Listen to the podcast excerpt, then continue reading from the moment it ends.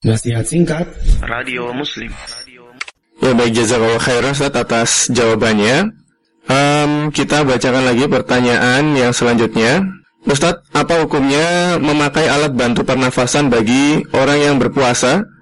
Seperti orang yang asma Ustadz Apakah itu membatalkan puasa Ustadz? Mohon jawabannya Ustadz Baik, kalau bantuan pernafasan tidak membatalkan puasa ya.